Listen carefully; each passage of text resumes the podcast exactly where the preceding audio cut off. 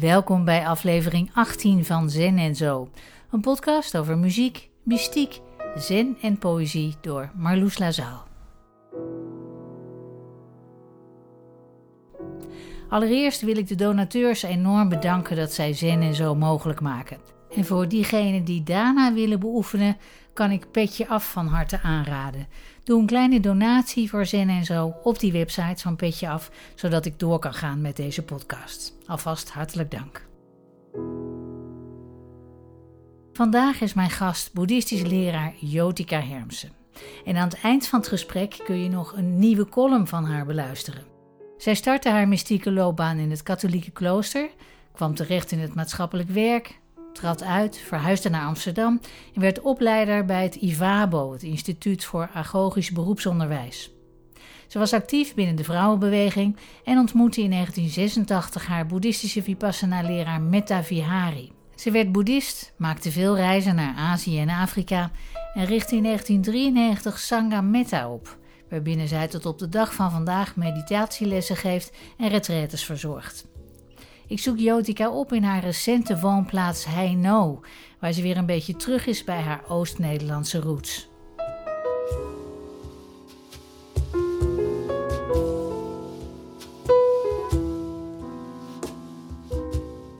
Jotika, wat fijn om bij jou te zijn. En we zijn in Heino. En de laatste keer dat ik jou echt sprak was Hartje Amsterdam in de Pieterspoortsteeg. En van waar de verhuizing naar Heino? Ja, dat is natuurlijk een verhaal. um, Wat kom je hier uit de buurt? Ja, ik, ik ben in Vierakker geboren bij Zutphen. Dus het is wel over de IJssel, zie je. En dit is net over de IJssel. Heino ligt 10 kilometer onder Zwolle, hè. En ik ben hier nu alweer vanaf 2011. Dus het is alweer negen jaar. En ik vind het hier leuk. Ik woon hier heel goed. Ik heb hele goede buren. Ja, en je woont ongeveer in de kerk? Ja, ik woon in de kerk. Ik woon in de Munnikenhof. Dat is vroeger een klooster geweest. En had je toen ook gelijk iets van, ja, dat, is, dat moet dan zo zijn? Nou, dat was nog wel mede iets, weet je. Maar ik dacht tegelijkertijd, ja, dat is natuurlijk helemaal vroeger en voorbij en van, vorig, van de vorige eeuw. En nou ja, dat moet je niet. Maar toch werkte dat mee. Ik dacht, ja, laten we dat maar doen. Nu zitten we midden in coronatijd. En jij bent inmiddels 88. Hoe, je bent zo voorzichtig. Nou ja, eh, hoe, hoe beleef jij deze tijd? Ben je extra voorzichtig? Of? Ik ben niet extra voorzichtig. Ik ben niet extra voorzichtig. Ik heb, ik ben er helemaal niet, ik heb helemaal niet een gevoel dat ik gauw besmet zal worden. We zijn wel met de retraites online gegaan toen het niet meer mocht. Maar toen het wel weer mocht, zijn wij weer live gegaan in Naarden. En dat zijn we ook van plan om dat uh, met kerstmis te doen in de decembermaand. Maar ik, ik voel me heel goed en ik vind het ook niet heel erg moeilijk. Want ik heb eigenlijk altijd al een beetje zo geleefd, min of meer teruggetrokken. Ik ben weinig bezig met waar ik heen moet of hoe ik uit wil gaan. Of... Dus ja, het, speelde me in de kaart op een of andere manier. Met wat ik graag wil: dat er stilte is, dat je kunt mediteren, dat je kunt studeren, dat je kunt praten met mensen. En wat zou je kunnen zeggen tegen mensen die wel bang zijn voor het virus? Zoals ik bijvoorbeeld. Ik kan me voorstellen dat jij ook in, in jouw sangha wel mensen ontmoet die daar angstig voor zijn. Ik heb er nog niet zoveel ontmoet die er bang voor zijn, moet ik zeggen. Maar ik, we hebben het ook niet tot een thema gemaakt waar we dan over praten, of veel over praten. Maar wat ik tegen jou zou zeggen. ik denk dat ik je bij de hand zou pakken, ook als het niet mag. als je echt bang bent, dat je vast zou houden. En uh, wat ik denk dat het belangrijk is, dat je er naar durft te kijken. Dat we het niet ontkennen. En dat je gewoon durft te zeggen, ik ben gewoon bang. Ik ben gewoon bang. En dan, misschien komt er dan wel meer uit. Misschien komt er wel iets uit waarvoor je bang bent. Want uiteindelijk is het natuurlijk zo dat we bang zijn om door te gaan. En ik denk dat dat ook het grote punt is met de angst. Dat, en met al de maatregelen, dat de mensen niet doodgaan. Maar dat het ook zo angstig wordt, omdat de mensen niet over doodgaan na willen denken. Ik veronderstel dat jij dat vaak genoeg gedaan hebt. Over doodgaan nadenken? Ja. Maar, nou, er zit wel iets tussen. Want dan denk ik steeds, oh, dat kan niet, want ik heb mijn testament nog niet af. Ja, daar moet je dan, uh, daar moet je dan ook mee aan het werk. dat snap ik. Dat had ik ook een lange tijd, maar dat heb ik toch niet meer nu. Dat is nu wel klaar. Maar dat is ook omdat ik 88 ben. Dus dat ik denk, ja, kan je toch altijd wat overkomen. Ik ben nu in de leeftijd dat, waar mijn moeder doodgegaan is, dat, dat jaar. Dus als ik hier nou doorheen kom door dit jaar, dan ben ik ietsje ouder dan dat mijn moeder was. Ik weet niet hoe het mij zal vergaan, maar ik heb wel veel over de dood nagedacht. En soms kan ik wel heel helder zien voor me. Dan denk ik, ja, dat is niet zo moeilijk, dat is gewoon. Ooit zei een non in Thailand, waar ik op een avond kwam, dat, dat ze zei van, doodgaan is alleen maar uitademen. Meer niet, dus uitademen. Doodgaan zelf moet niet zo moeilijk zijn. Maar de angst die er van tevoren is, dat is erger, denk ik. Nou, en daar moeten we naar kijken. Ik heb er zelf veel steun aan om te weten dat het een natuurlijk proces is.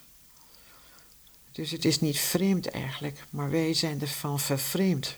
Het is echt een natuurlijk proces. Zoals je het de hele tijd om je heen ziet, met de bloemen, met de planten, met de bomen, zo vind ik dat het met ons ook is. Komen en gaan, komen en gaan, komen en gaan. Een tijdje er zijn en gaan. Komen en gaan. Dat is het. En meer is er niet. Ik bedoel, in dat opzicht is er niet meer. En dit is voor iedereen. En ik doe moeite om dat steeds beter te begrijpen. En ik merk dat mensen tegen me zeggen dat ik zo rustig ben als, als iemand doodgaat.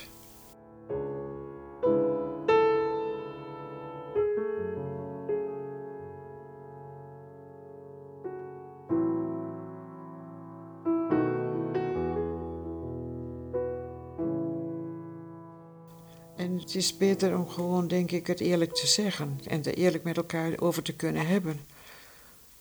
Het was eh, de laatste die ik meegemaakt heb, was ook een jonge vrouw die uh, acute lymfeklierontsteking had en die het niet haalde. Maar die kon erover praten en die kon er, de, je mee praten. En die, die kon langzamerhand zo ver komen dat ze dus zei, ja, ik weet het, ik wil, ik, wil het, ik wil proberen om het te aanvaarden. Weet je dat?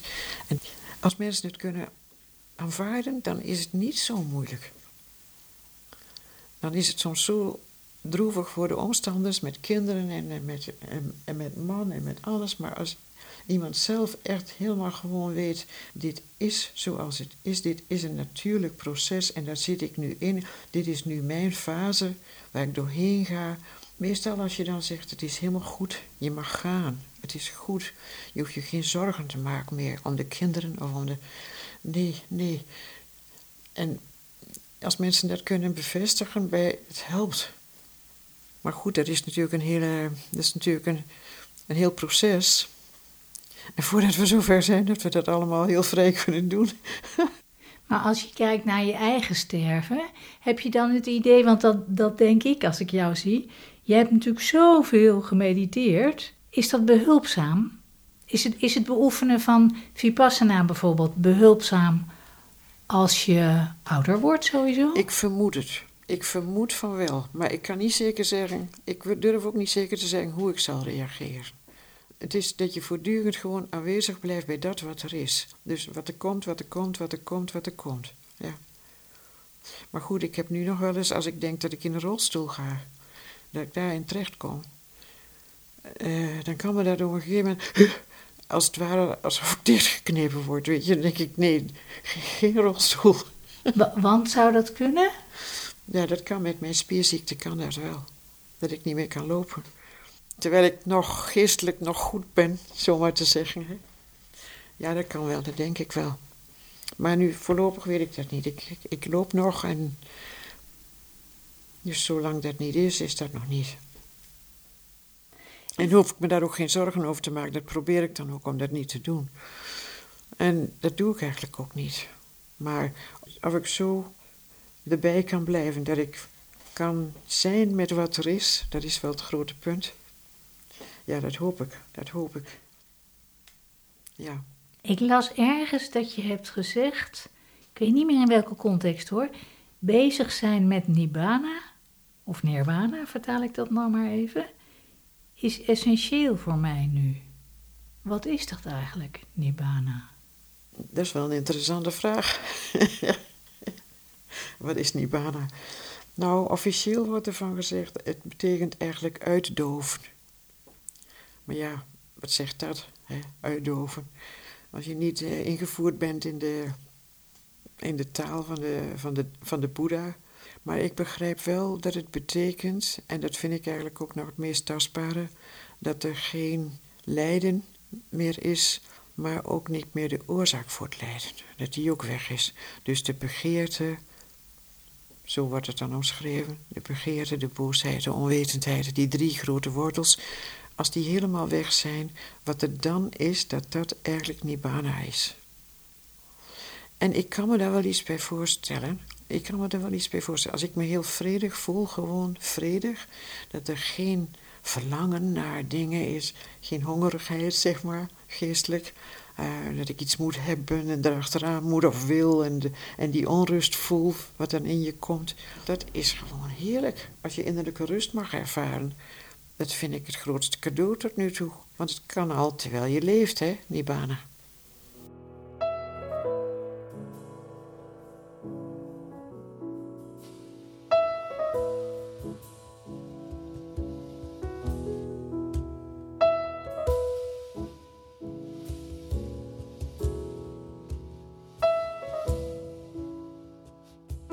een van jouw vele columns, hè, want je hebt er in de tijd van de boeddhistische omroep inmiddels honderd, geloof ik, gemaakt. Die we allemaal hebben uitgezonden.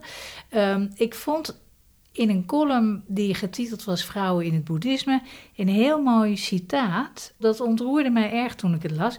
Zou je dat willen voorlezen? Het is uit de Therigatha, denk ik. Uit de verhalen van de vrouwen rondom de Boeddha in zijn tijd, hè? Ja, ja, ja, ja, ja, ja, ja, ja, ja. Gotami, Gotami, Pachara. Ze had twee kinderen verloren en haar man. En ze zegt in een van die gedichten: Ook zag ik dat het vlees van mijn kinderen door het vuur verslonden werd midden op de crematieplaats. Mijn familie was vernietigd, mijn man dood. Ik werd veracht door allen, maar ik ging waar geen dood is. Ik volgde het achtvoudige pad van de Boeddha, dat voert naar waar geen dood is. En dat is een omschrijving van Nibbana. Ik keek in de spiegel van de leer. Ik heb de pijl eruit getrokken, de last neergelegd. Ik heb gedaan wat ik moest doen. Ja, dit is, uh, is heel mooi gezegd. En dit is ook in de taal hoe de verlichte vrouwen van de eerste tijd van de Boeddha hoe die hun verlichting beschreven. Dat waren gewoon vaststaande zinnen. Als ze zover waren, dan konden ze die zin gebruiken, weet je. Dan konden ze dat zeggen en dan hadden ze ook vaak allemaal hetzelfde, maar dat gaf niet. En dat is altijd, ik heb de pijl eruit getrokken, of wat ik gedaan heb, wat gedaan moest worden, is gedaan. Dat is klaar. Ja, ik, vond het ontzettend ontroerend uh, toen ik het las. En ik dacht ook, uh, zo kernachtig, hè? Is dat eigenlijk waar oefening over gaat? Het lijden is voorbij, de dood is voorbij, maar als de dood voorbij is, is geboorte ook voorbij. Dat is er niet meer, er is dus wat anders. Het is een, een voorbeeld uit een reeks van meerdere vrouwen die eerst alles hadden: en een man en een gezin en een rijkdom. En eh, ze komen op een moment in hun leven dat ze dat allemaal is afgenomen. En dan, dan een stap maken naar wat er nog wel is. Ja, dat is Kisa Gotami ook, dat is weer een andere. Die heeft dan ook een kind verloren, weet je. En die loopt met dat dode kind op de heup rond. En dat, eigenlijk wordt ze gezien als een vrouw die niet goed meer bij de hoofd is. Want die rent naar iedereen en vraagt aan iedereen van... kun je mijn kind weer levend maken? En dan verwijzen ze haar uiteindelijk naar de Boeddha. En dan gaat ze naar de Boeddha en dan zegt ze: Maak alsjeblieft mijn kind weer beter. En dan zegt hij: Oh, zo pedagogisch, denk ik, zo goed. Ja, ik, ik kan je wel helpen. Als je een mosterdzaadje haalt, kunt vinden bij een familie waar nog nooit iets met dood geweest is. Nou, ze begint te rennen van het ene huis naar het andere. En overal is wat. Overal krijgt ze een mosterdzaadje. Uh, een mosterdzaadje. Nee, op het laatst toch niet. Want waar geen dood is, nee, nee, die oom is dood, die tante is dood, die moeder is dood, dat kind is dood. Er is overal wat met dood. En dan, op die manier, ziet ze dat ze dus niet geholpen kan worden. En dat dit de situatie is. Kijk, en dan komt ze tot inzicht. Haar, haar perceptie verandert. Ze gaat inzien dat de dood erbij hoort. Dat is het grote ding, denk ik. Ik denk echt dat inzicht zo ontzettend belangrijk is. En dan ziet ze dat dit een natuurlijk verloop is. Dan, dan wordt ze rustig. En dan komt ze terug bij de Boeddha en dan volgt ze hem. Dan wil ze hem volgen. En wordt ook verlicht binnen de kortste keer. Hè?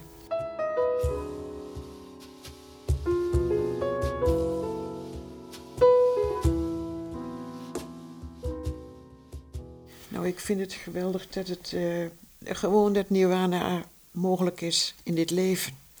Niet alleen na de dood, maar in dit leven.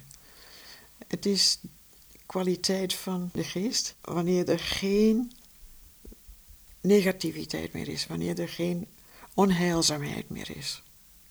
Dus geen onwetendheid, geen boosheid, geen begeerte. Dat zijn drie hele grote wortels die overal inkruipen. En als dat er niet meer is, komt er een enorme vrijheid. Zij hadden een standaardomschrijving om dat te doen. Maar die standaardomschrijving is er nog. Uh, wat gedaan moest worden, is gedaan. Die vind ik inspirerend. Dat dit er gewoon is en hoe gewoon het is en hoe het in het gewone leven is, weet je. Het is niet heel bijzonders. Ja, het is bijzonder. Maar het is gewoon bijzonder omdat het innerlijk is, omdat het uh, de ontwikkeling van de geest is, denk ik. En inzicht. Dat citaat wat, wat je net hebt gelezen is onderdeel van een langere column. Die heet Vrouwen in het Boeddhisme. En zou je daar het eerste, de openingsregels, ook nog even van willen lezen? Vandaag gaat het hele radioprogramma over vrouwen en boeddhisme. Maar iets in me wil niet. Niet weer over hoe onderdrukt we zijn. Hoe er tussen de tijd van de Boeddha en nu niet zoveel veranderd is. Toen stonden er 500 vrouwen onder leiding van Mahapajapati, zijn stiefmoeder voor de Boeddha. Het haar afgeknipt en met een monnikspij bekleed, vroegen ze om toegelaten te worden tot de orde. En de Boeddha aarzelde even en zei na een poosje op aandringen van Ananda: Kom maar. Nu vragen vrouwen weer om toegelaten te worden. Nu is er weer aarzeling en schiet de gelijkstelling van mannen en vrouwen niet op. Stel je voor dat de Boeddha zelf nu aanwezig was. Zou hij nu wat anders zeggen dan toen? Nou, ik vond het zo treffend, want jij bent natuurlijk uh, vanaf de jaren 70, 80 heel actief geweest in de vrouwenbeweging. In sociaal werk en als opleider. Je hebt ook die, uh, veel counseltrainingen gegeven aan feministes als Anja Meulenbelt, hè, onder andere. Hoe was die periode voor jou? Toen? Ja, 70, 80 jaar in die vrouwenbeweging. Er was heel veel creativiteit en actie en, en uh, enthousiasme volgens mij ook. Van 76 tot 86 ben ik op het Ivabo geweest. Dat was een hele goede tijd. Daar kon ik kwijt wat ik kon, ja. Ik had alle opleidingen gedaan die er waren voor supervisor. Uh, en voor de methodiek van het welzijnswerk. En ik vond het Ivabo in Amsterdam, dat was toen de opleiding waar je het dichtste bij de mensen bleef. Daar heb ik gesolliciteerd en daar hebben ze me aangenomen. Ik heb daar echt heel goed gewerkt met Anja Mullenbelt, met Anne Luttekold. Nou ja, met ons zessen waren we. En ja, de vrouwen hadden dus een vrouwelijke leiding.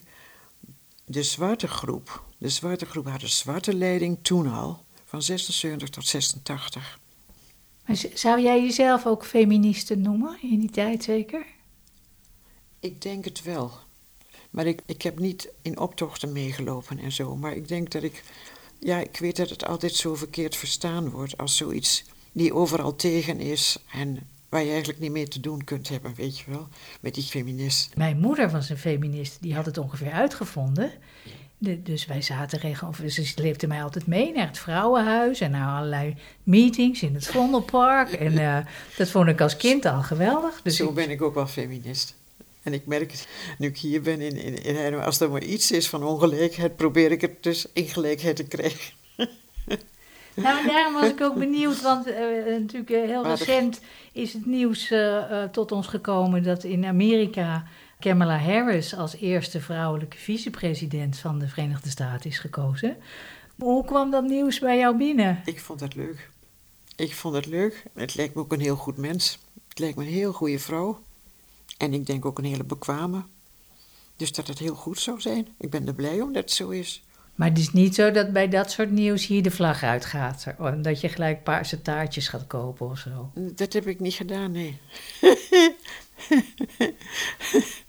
Maar dat kan nog, want er komt nog die oh, officiële inauguratie. Ah, ja, ja, ja, ja. Maar ze is nog de tweede, hè? ja, dat is waar. We staan op een goede plaats. Ja. ja. Ik zou het wel goed vinden als het kon. Als het kon. Ik had het met, hoe heet ze? Als, uh, met Hillary Clinton. Als Hillary het geworden was. Ik heb de hele tijd gedacht dat ze het werd. Het was voor mij toen. Toen viel de wereld een beetje in elkaar voor me. Toen ik dacht van, nee, dit kan toch niet. Hoe kan dit nou? Ik kon het niet begrijpen. Maar goed. Ik vroeg me af of jij een droom had of, of een ideaal uh, waarvan je graag zou willen dat dat nog zou gebeuren. Als het gaat om vrouwenrechten, uh, heb je nog een soort visioen van, oh, als, als, als dat toch zou gebeuren, dan zijn we daar. Nou, ik vind als het gelijkwaardig wordt, echt gelijkwaardig wordt, dat er geen punt meer is, dan denk ik dat we een heel eind zijn. Echt gelijkwaardig. Het is nog op heel veel plaatsen niet. Ik zie het bij de islam, ik zie het bij in Afrika. Ik heb nog steeds contact in Afrika. Kan je daar een voorbeeld van geven? Nou ja, dat is ook nog dat, het heel gewoon is als ze vier, drie vrouwen hebben, vier vrouwen hebben. Ik ken één vrouw die haar vader erop aangesproken heeft. Waarom die nog een vierde vrouw zou nemen. En toen heeft ze gezegd, en dat vind ik eigenlijk nog steeds zo sterk. Toen heeft ze gezegd, jij neemt de vierde vrouw en ik, kan niet studeren. Als jij geen vierde vrouw neemt, kan ik wel studeren. Maar dat is nog zo gewoon. En dat een zuster van haar er niet om maalt, niet om geeft dat ze niet kan studeren, want ze hoeft alleen maar kinderen voor te brengen. Dat is genoeg. Als dat maar kan, als ze maar een man heeft jij bent natuurlijk heel veel in Azië geweest en in uh, Burma. Ook daar en ook daar krijg je nu dat in Burma ook nu het allemaal anders wordt. De prostitutie en de slavernij van de vrouwen die geen geld hebben, die zich niet kunnen redden. Ik zie gewoon dat ze naar kloosters komen omdat ze dan een veilige haven hebben en een veilig huis. Ik zie ook in Ladakh die monnik vind ik geweldig. Die heeft, het eerste heeft hij dus een huis voor de meiden gebouwd die daar studeren, weet je wel. En ik denk, hij heeft gelijk, hij weet waarom dat nodig is. Anders zijn ze niet veilig. Dan raken ze achter elkaar zwanger. Die uitzichtloze situaties waar geen bestaan is, waar ze nergens. Ze kunnen ook niks verdienen. Maar dat wordt allemaal opgepakt en, en dat wil ik ook graag ondersteunen.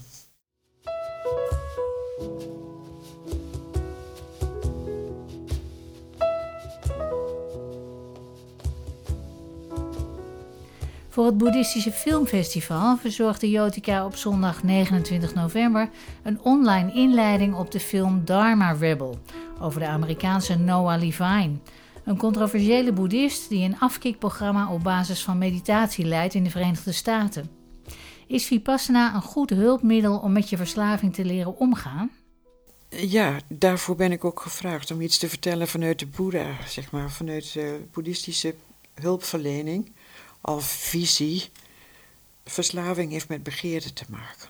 Iets wat je graag wilt en waar je in terecht komt uit nieuwsgierigheid, uit interesse of uit groepsdruk, dat je mee gaat doen. Dus eigenlijk is onwetendheid de reden dat je mee gaat doen. Later dan weet je het wel en dan zie je de gevolgen en dan zie je ook dat het niet goed voor je is en dan kun je er niet meer vanaf, want dan zit je vast. Dan is het dus de gehechtheid die het probleem is. Maar ik zie wat ik meegemaakt heb aan verslaving om me heen. Ik kan niet zozeer van mezelf zeggen, jawel, ik zie in mezelf ook uh, hoe ik een tijd lang een bepaalde sjaal eigenlijk de hele tijd wilde dragen, weet je. Ik voelde me haast niet goed als ik hem niet bij me had. Nou, dat is, het is misschien zo'n klein ding, Maar toen was ik in Burma en toen dacht ik, nou weer die mooie sjaal. Weet je het was altijd zo groot geel en het was... En het stond altijd heel goed. En ehm, toen heb ik hem daar op het tafeltje gehangen waar de bloemen op stonden bij de Boeddha. En ik heb tegen de monnik gezegd: Ik heb daar mijn sjaal neergehangen, want ik ben er zo aan gehecht. en toen zei hij heel nuchter: Ik ben niet gehecht, ik ben niet gehecht. ik weet niet of hij iets verstond van wat ik bedoelde.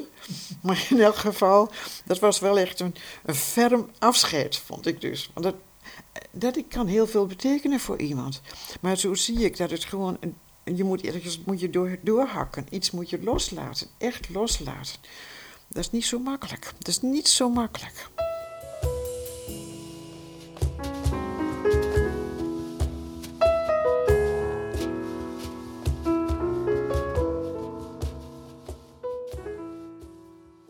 En dus het is eigenlijk zoeken om een oplossing van het lijden. En de Boeddha heeft niks anders gezegd. Die zegt gewoon: suffering and the end of suffering. Dat is mijn hele, mijn hele leer. Dus. Heeft boeddhisme eigenlijk een antwoord op alle lijden?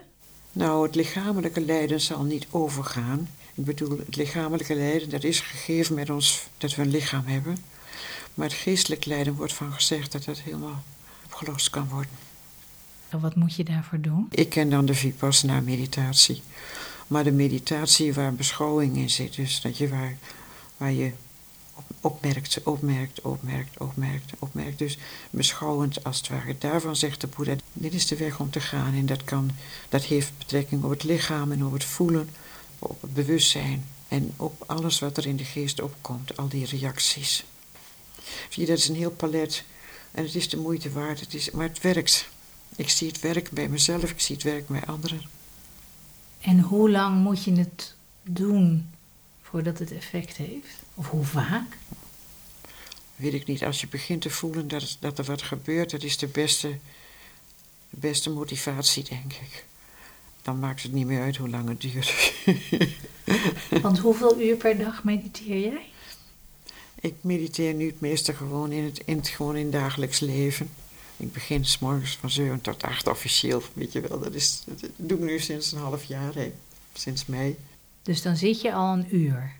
In de vroege Ja, daar zit ik een uur in. Ik probeer nog een uur te zitten, officieel als het kan. Voor mezelf. Vaak op het einde van de dag, want dan is dat goed met het slaap. En dan weer door. Beginnen weer met de meditatie. En verder is het gewoon opmerkzaam aanwezig zijn. Want dat is eigenlijk wat je oefent. Opmerkzaam aanwezig zijn. Als jij vraagt, dan heb je nog iets van waar je naar uitkijkt. Een droom. Ik heb wel een droom dat de kinderen leren mediteren dat heb ik eigenlijk wel. En als dat zo is, als ze kunnen mediteren, dan hebben ze een handvat. Dan zijn ze sterker voor alle moeilijkheden die er komen. De mindfulness, de opmerkzaamheid, de wijsheid, de compassie, als kinderen dat leren, en ik zie, ik ken kinderen die dat, die dat leren, ik ken ouders die mediteren en die dat hun kinderen leren. en hoe, wat voor invloed dat heeft, die gaan gewoon zitten, die gaan gewoon in hun eigen groep zitten. Met de vijfjarigen, de zesjarigen zitten ze al. En dat wordt heel gewoon. Die nemen dus op dat ze voor binnen voor zichzelf moeten zorgen. Dat is wonderlijk. En dat vind ik hoopvol als dat komt.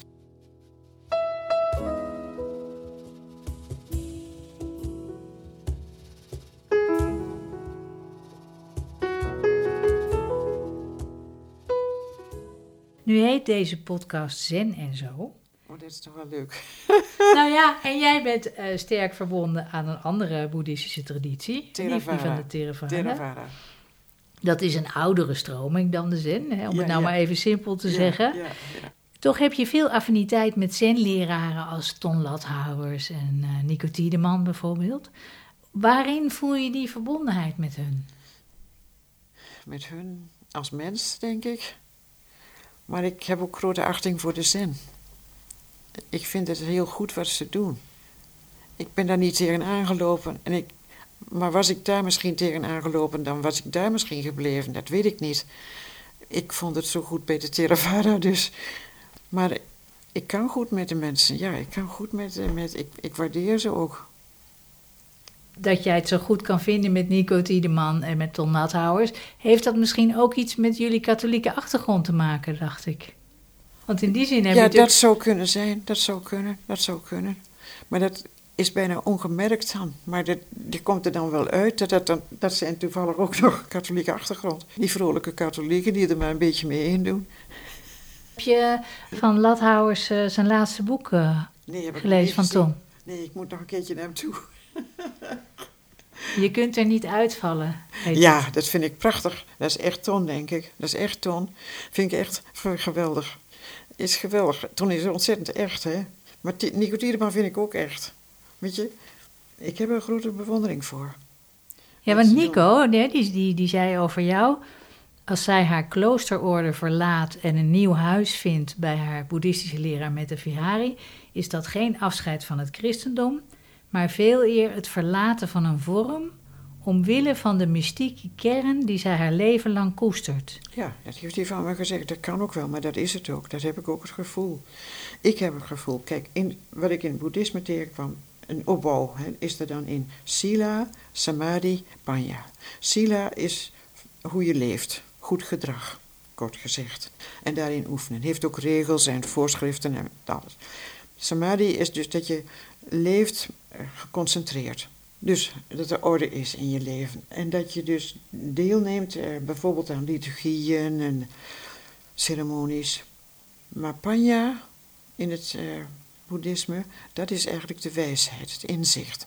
En opeens ontdekte ik, toen ik me een keer voor moest stellen in San Francisco, op een lerarenbijeenkomst, dat ik zei, Sila en Samadhi heb ik al heel veel gedaan in het klooster.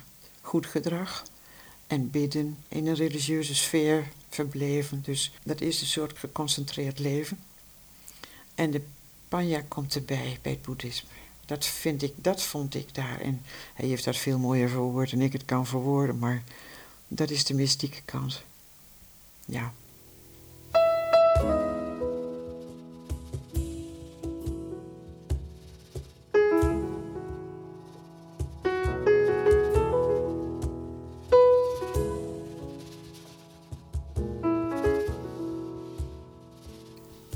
Kan jij...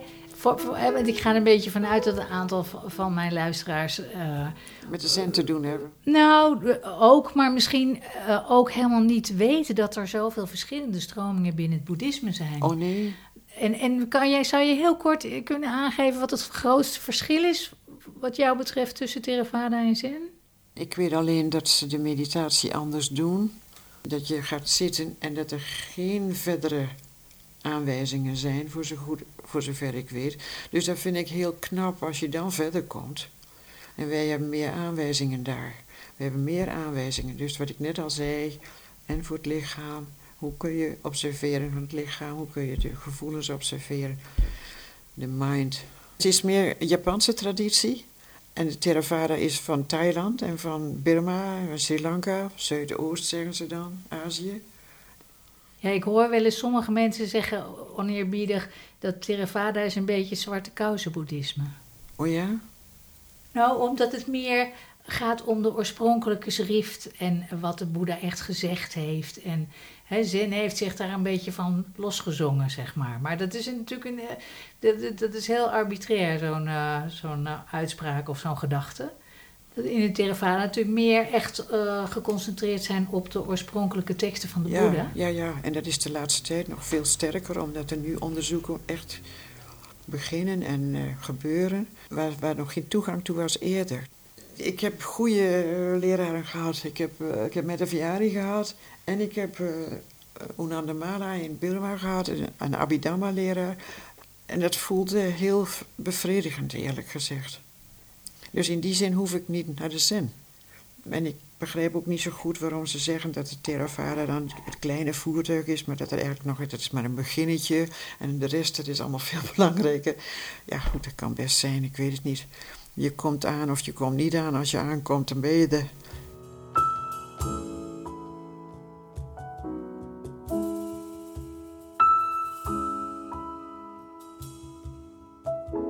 En ik denk dat we nog veel verder gaan. Ik denk dat we nog veel verder gaan. Eh, dat we uiteindelijk misschien wel komen waar geen isme meer is. Gewoon omdat je mens bent. Wat je, want het, daarom is het dat we dit doen. En dat dit bij ons past. ik, ik zie niet hoe je een goed menselijk leven kunt hebben zonder dat er iets met transformatie plaatsvindt. Denk jij dat we naar een, ooit naar een tijdperk gaan waarin alle religies één zijn? Ik denk dat de kern ervan hetzelfde is. Als het gaat over awareness, consciousness, nibbana. Dat zijn de gewone menselijke dingen. Dan is nibbana is wel de naam die de boeddhisten eraan geven. Maar anderen geven misschien het onnoembare. Of er zijn heel veel namen. Leegte? Leegte. Met een hoofdletter? Precies. Dat hoort gewoon bij ons mens zijn. Het feit dat we mens zijn, daar zit het aan vast.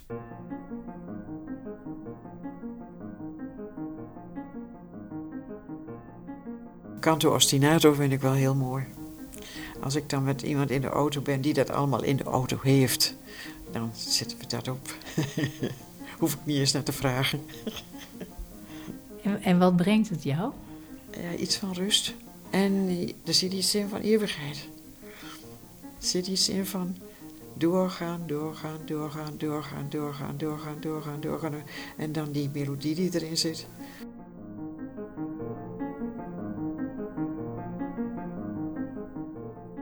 Het is beter om een kaars aan te steken dan het donker te vervloeken. Dat zie ik eigenlijk wat wij doen met de mindfulness. Als die mindfulness goed is, hè, dan breng je het licht bij het object wat donker is. Als er dan begeerte is en je laat het licht van de mindfulness erop schijnen, kan het niet blijven bestaan. Net zoals het donker niet kan blijven bestaan als het licht erin komt.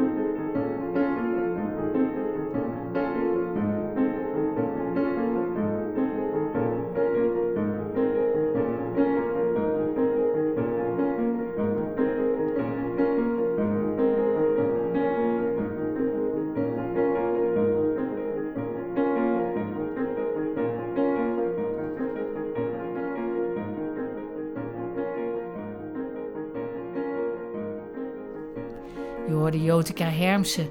Ze is verbonden aan de stichting Sangha Metta. Mijn naam is Marloes Lazaal en als je het een leuk gesprek vond, scroll dan naar beneden en geef zoveel mogelijk sterretjes in je podcast-app, zodat nieuwe luisteraars ons makkelijker kunnen vinden. En als je een kleine bijdrage in de kosten wilt geven om Zen en Zo in de lucht te houden, dan is er een doneerknop bij Petje Af. Petje Af slash Zen en Zo. Mailen kan naar info.marloeslazaal.nl en kijk voor mijn muziek ook eens op mijn Spotify-pagina of op mijn website marloeslazaal.nl. Daar kun je ook nog onze EP Zij van het Noorden bestellen met vijf sfeervolle eigen Nederlandstalige chansons. Volgende keer is mijn gast de Vlaamse zenleraar, psychiater en auteur Edel Maaks. Jotica Hermsen schrijft nog steeds. En hierna volgt als bonus haar meest recente column Thuiskomen bij jezelf. Veel plezier daarmee. Thuiskomen bij jezelf. Op weg naar Zwolle moet ik in Utrecht overstappen. De servicemedewerker van de spoorwegen is geweldig. Buiten de trein klapt hij de brug uit en binnen vraagt hij mensen om de gehandicapte plaats vrij te maken. Een Surinaams-Hindoestaanse familie heeft zich net genesteld en moet nu opstaan. Ik zie hoe ze schrikken van die vraag en niet weten hoe vlug ze weg moeten komen. In het middenpad is nog plaats om te staan. Dit alles voor de mevrouw die binnenkomt met de rollator en daar moet zitten. De plek overziende beduid ik dat ze niet weg hoeven te gaan. Ik kan op de rollator zitten, dat is geen punt. Langzaam komen ze weer terug uit het middenpad. Oma schuift met de boodschappen en neemt de jongste op schoot, maar die schiet er ook net zo vlug weer af. Ondertussen heb ik me links naast een donkere man geïnstalleerd. Hij op een stoel en ik op de rollator. Even kruisen onze blikken en we beduiden dat het goed is dat ik daar zit. Hij zit met gevouwen handen, hij kijkt uit het raam. Ik zie iets van droefenis. Ik mijmer over de dag die voorbij is en het weekend dat komen gaat. Thuiskomen bij jezelf is het thema. Thuiskomen bij jezelf. De trein raast voort. Ik pak mijn iPhone en beantwoord vijf berichten. Het schokken van de trein houdt me bij de les. Hoe dan ook, als ik klaar ben, zeg ik tegen mijn buurman: Sorry dat ik zo lang bezig was met mijn mail. Och, geeft niet, zegt hij in gebrekkig Nederlands. Ik vraag: Moet u verder reizen dan Zwolle? Eh, kampen, assise, ze, ik versta het niet en hij herhaalt nog een keer, herhaalt nog een keer en dan, dan begrijp ik dat hij in het asielzoekerscentrum zit in Kampen. Nu komt hij van Rotterdam, waar hij in zijn huis gewerkt heeft. En over een paar maanden gaat hij verhuizen naar Rotterdam. Mijn huis, zegt hij, en heel zijn gezicht glundert. Mijn huis. Hij pakt zijn iPhone en showt me zijn huis. Hij is met het laminaat aan het leggen. Ik vraag waar hij Nederlands leerde. In het kamp, zegt hij. Met een beetje moeite kunnen we elkaar verstaan. In zes maanden allemaal naar school, vrouw en kinderen en mij. Moet leren, beter, beter. En dan valt Afghanistan. Mijn baba had tien kinderen, nu niet meer. Leeft je vader nog? Nee, dood door bominslag. Weg, broer, benen kwijt. Hij wijst in zijn liezen. We waren met tien kinderen. Nu ik alleen hier. Ik luister bewust en voel dat er iets gebeurt tussen ons. Afghanistan niet goed, zegt hij. Bommen. Taliban. Hij schudt met zijn hoofd. Baba weg. Ik vraag drie keer of hij gevlucht is met de kinderen. En ik weet niet of hij me niet verstaat, maar hij zegt enkel ja, ja, ja, ja. Laat me de kinderen zien op zijn iPhone. Twee jongens, twee meisjes. Zijn vrouw, zou die er niet zijn? Ik vraag of die getrouwd is. Ja, mijn vrouw ook hier. Ze is nooit naar school geweest. Moet altijd werken in groot huis. Wil niet naar buiten. Nu dichtbij naar Dronten geweest en zegt nu, oh zo mooi. En zijn gezicht klaart op. Zwolle ook mooi. In kamp soms moeilijk met mensen uit zoveel landen. Ook ruzie, ook moeilijk. Ik vraag of die moslim is. Ja, na even. Islam soms goed, soms niet goed. Ik reageer. Echte religie gaat toch voor verbinding voor goed zijn met elkaar, geen bommen. Hij kijkt droevig. En dan spreekt hij met overtuiging: Islam soms niet goed, Allah goed. Ik durf niet verder te vragen, maar Allah goed, dat klinkt positief.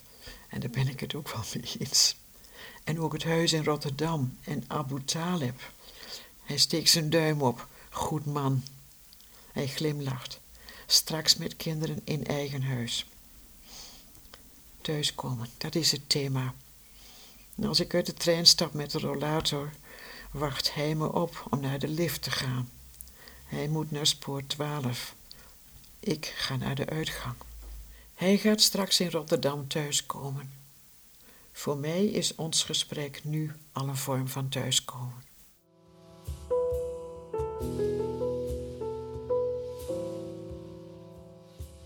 Je hoorde de column van Jotika Hermsen. In de volgende Zen en Zo is zenleraar en psychiater Edel Maaks mijn gast. Graag tot dan.